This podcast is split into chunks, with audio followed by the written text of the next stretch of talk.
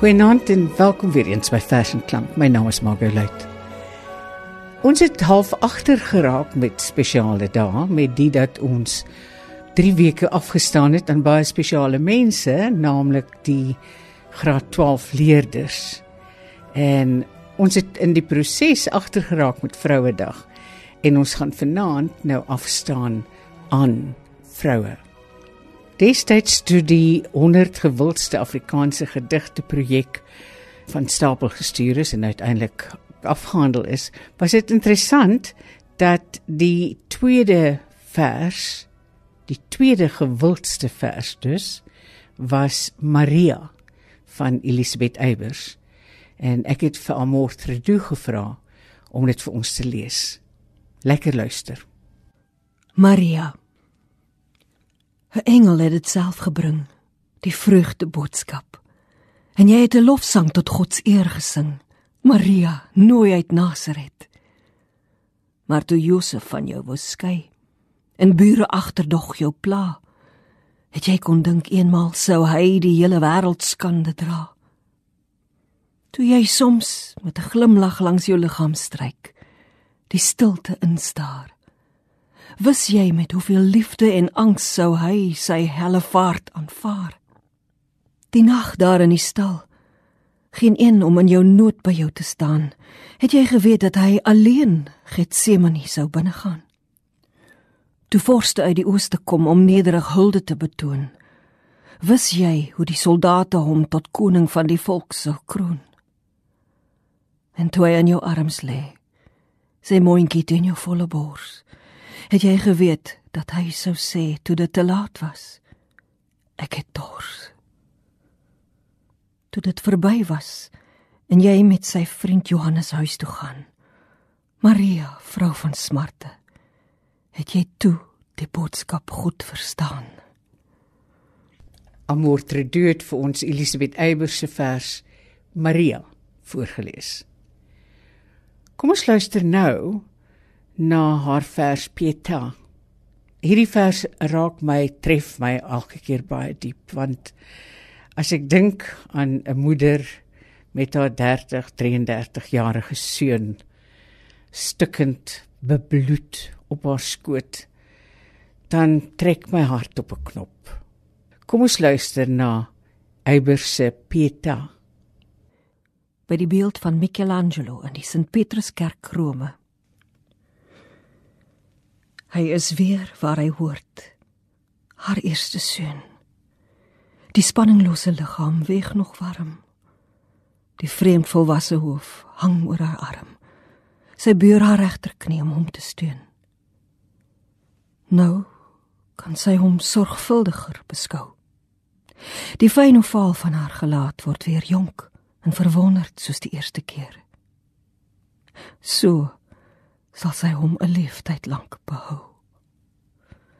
En weer gewaar sy elke groot pyn bring die stilte pylos van versadiging. Al het geen ander vrou hom ooit vervreemd, word alle seuns uithuisig op die duur. Sy makker sal hom uit haar skoot kom neem, soos vroeër ook. Maar nou sit nog haar uur. Dit was Elisabeth Eybers se vers Peta wat Amor Tredu vir ons voorgeles het. Ons gaan nog een gedig van Eybers lees. In die vers het sy genoem die eerste nag aangrypend, aandoenlik. Hoe veilig en stil is my kindjie se slaap. Die tastende handjies so vreedsaam gevou. Die soekende mondjie geslote en soet. Die oogies 'n skemering van blank en blou. Wat sal haar moeder nou vir haar bid as sy slaap in haar wieggie, so warm en wit? Watter geheim sal sy vra dat haar kind in die skadu van latere nagte mag vind? Wat in die nag wat eensaam is, dat skoonheid gebore word uit gemis? Wat in die nag van kwelling en pyn, dat die môre ster dan die suiwerste skyn? Wat in die nag van liefdeslus? Dat teerheid sterker as hartstog is. Wat in die nag van barensnood dat die lewe magtiger is as die dood. Wat in die nag wat die laaste sal wees. Dat wie die lewe het, niks hoef te vrees. Want elkeen aan wie die nag dit verklaar, sal wysheid dieper as kennis bewaar. Hoe veilig is nou nog my kindjie se slaap. Die tastende handjies so vreedsaam gevou. Die soekende mondjie geslote en soet. Die oogies 'n skemering van blank en blou. O, duistere nag. Wees goed vir my kind. Later wanneer jy haar wakker vind.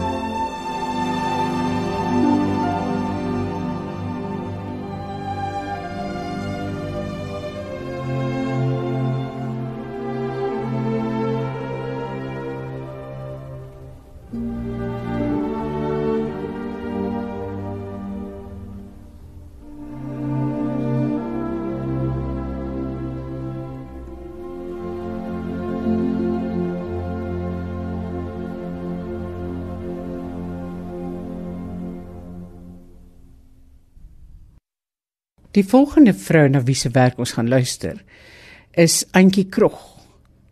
12 weke 4 dae sonar. Ek dink enige grootouer wat die geleentheid gehad het om hierdie sonar te sien, sal weet hoe spesiaal dit is. Klankgolwe wat 'n lewe gelede uitgevind is om ysberge en vyandelike duikbote op te spoor. Speur jou nou na en duisende kilometers weg op my rekenaarskerm staar ek in verbuistering na die skraapseltjies lig wat jou as wesenswaaragtigheid bevestig. In 'n beenholte lê jy, 'n vlekkie gespeld aan die orde van engele. 'n Deegvrommeltjie so lig nog dat geen naam jou kan dra nie.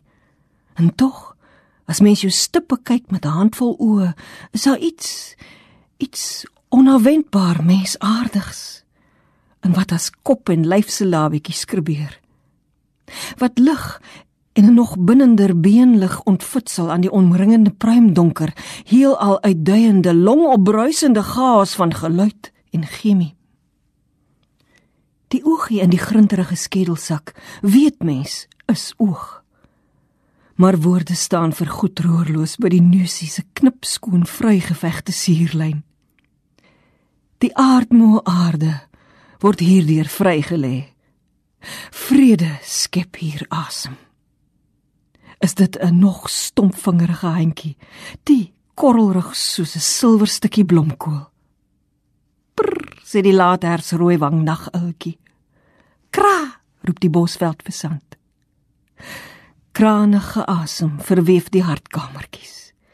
Die heerlik huidlose dromende harsings begin hul bewussyn van blou. En tog is dit asof ek staar na 'n tekening op 'n rotswand.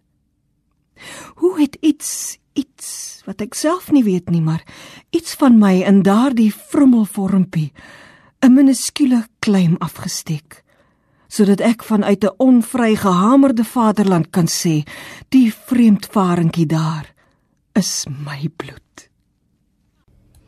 Maar dinge gebeur in 'n mens se lewe en dinge verander. En die dogtertjie het later saam met haar ma terug verhuis na die ma se land Israel. Eentjie krog skryf 'n gedig by jou vertrek. Jy vertrek môre saam met jou ma na Israel vir goed. As ons mekaar oor 'n jaar sien, praat jy slegs Hebreëus.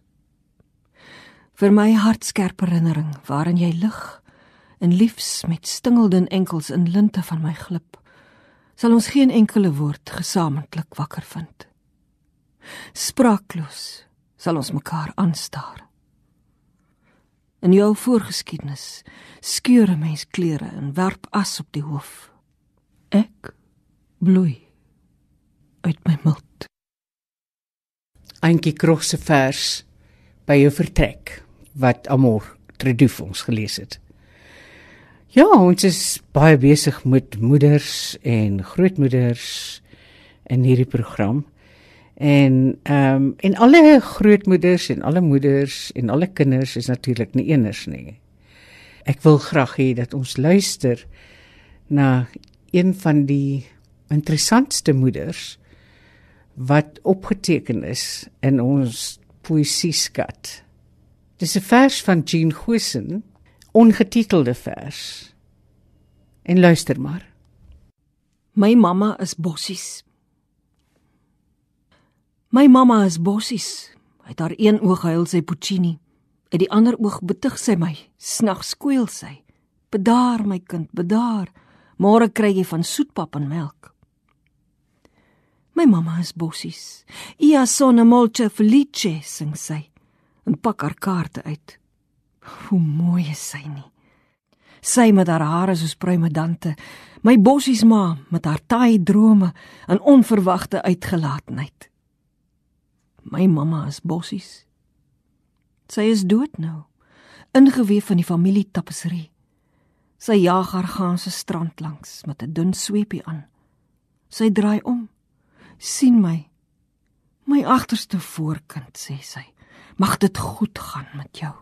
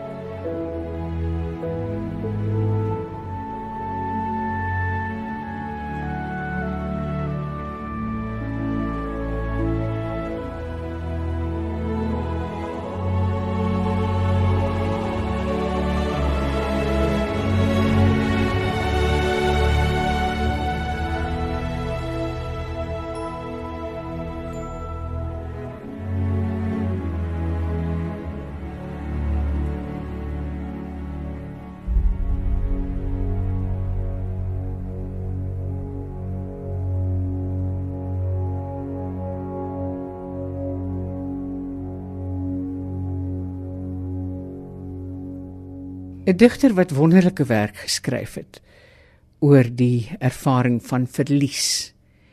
Verlies van 'n ma veral is Ronaldo Kamfer.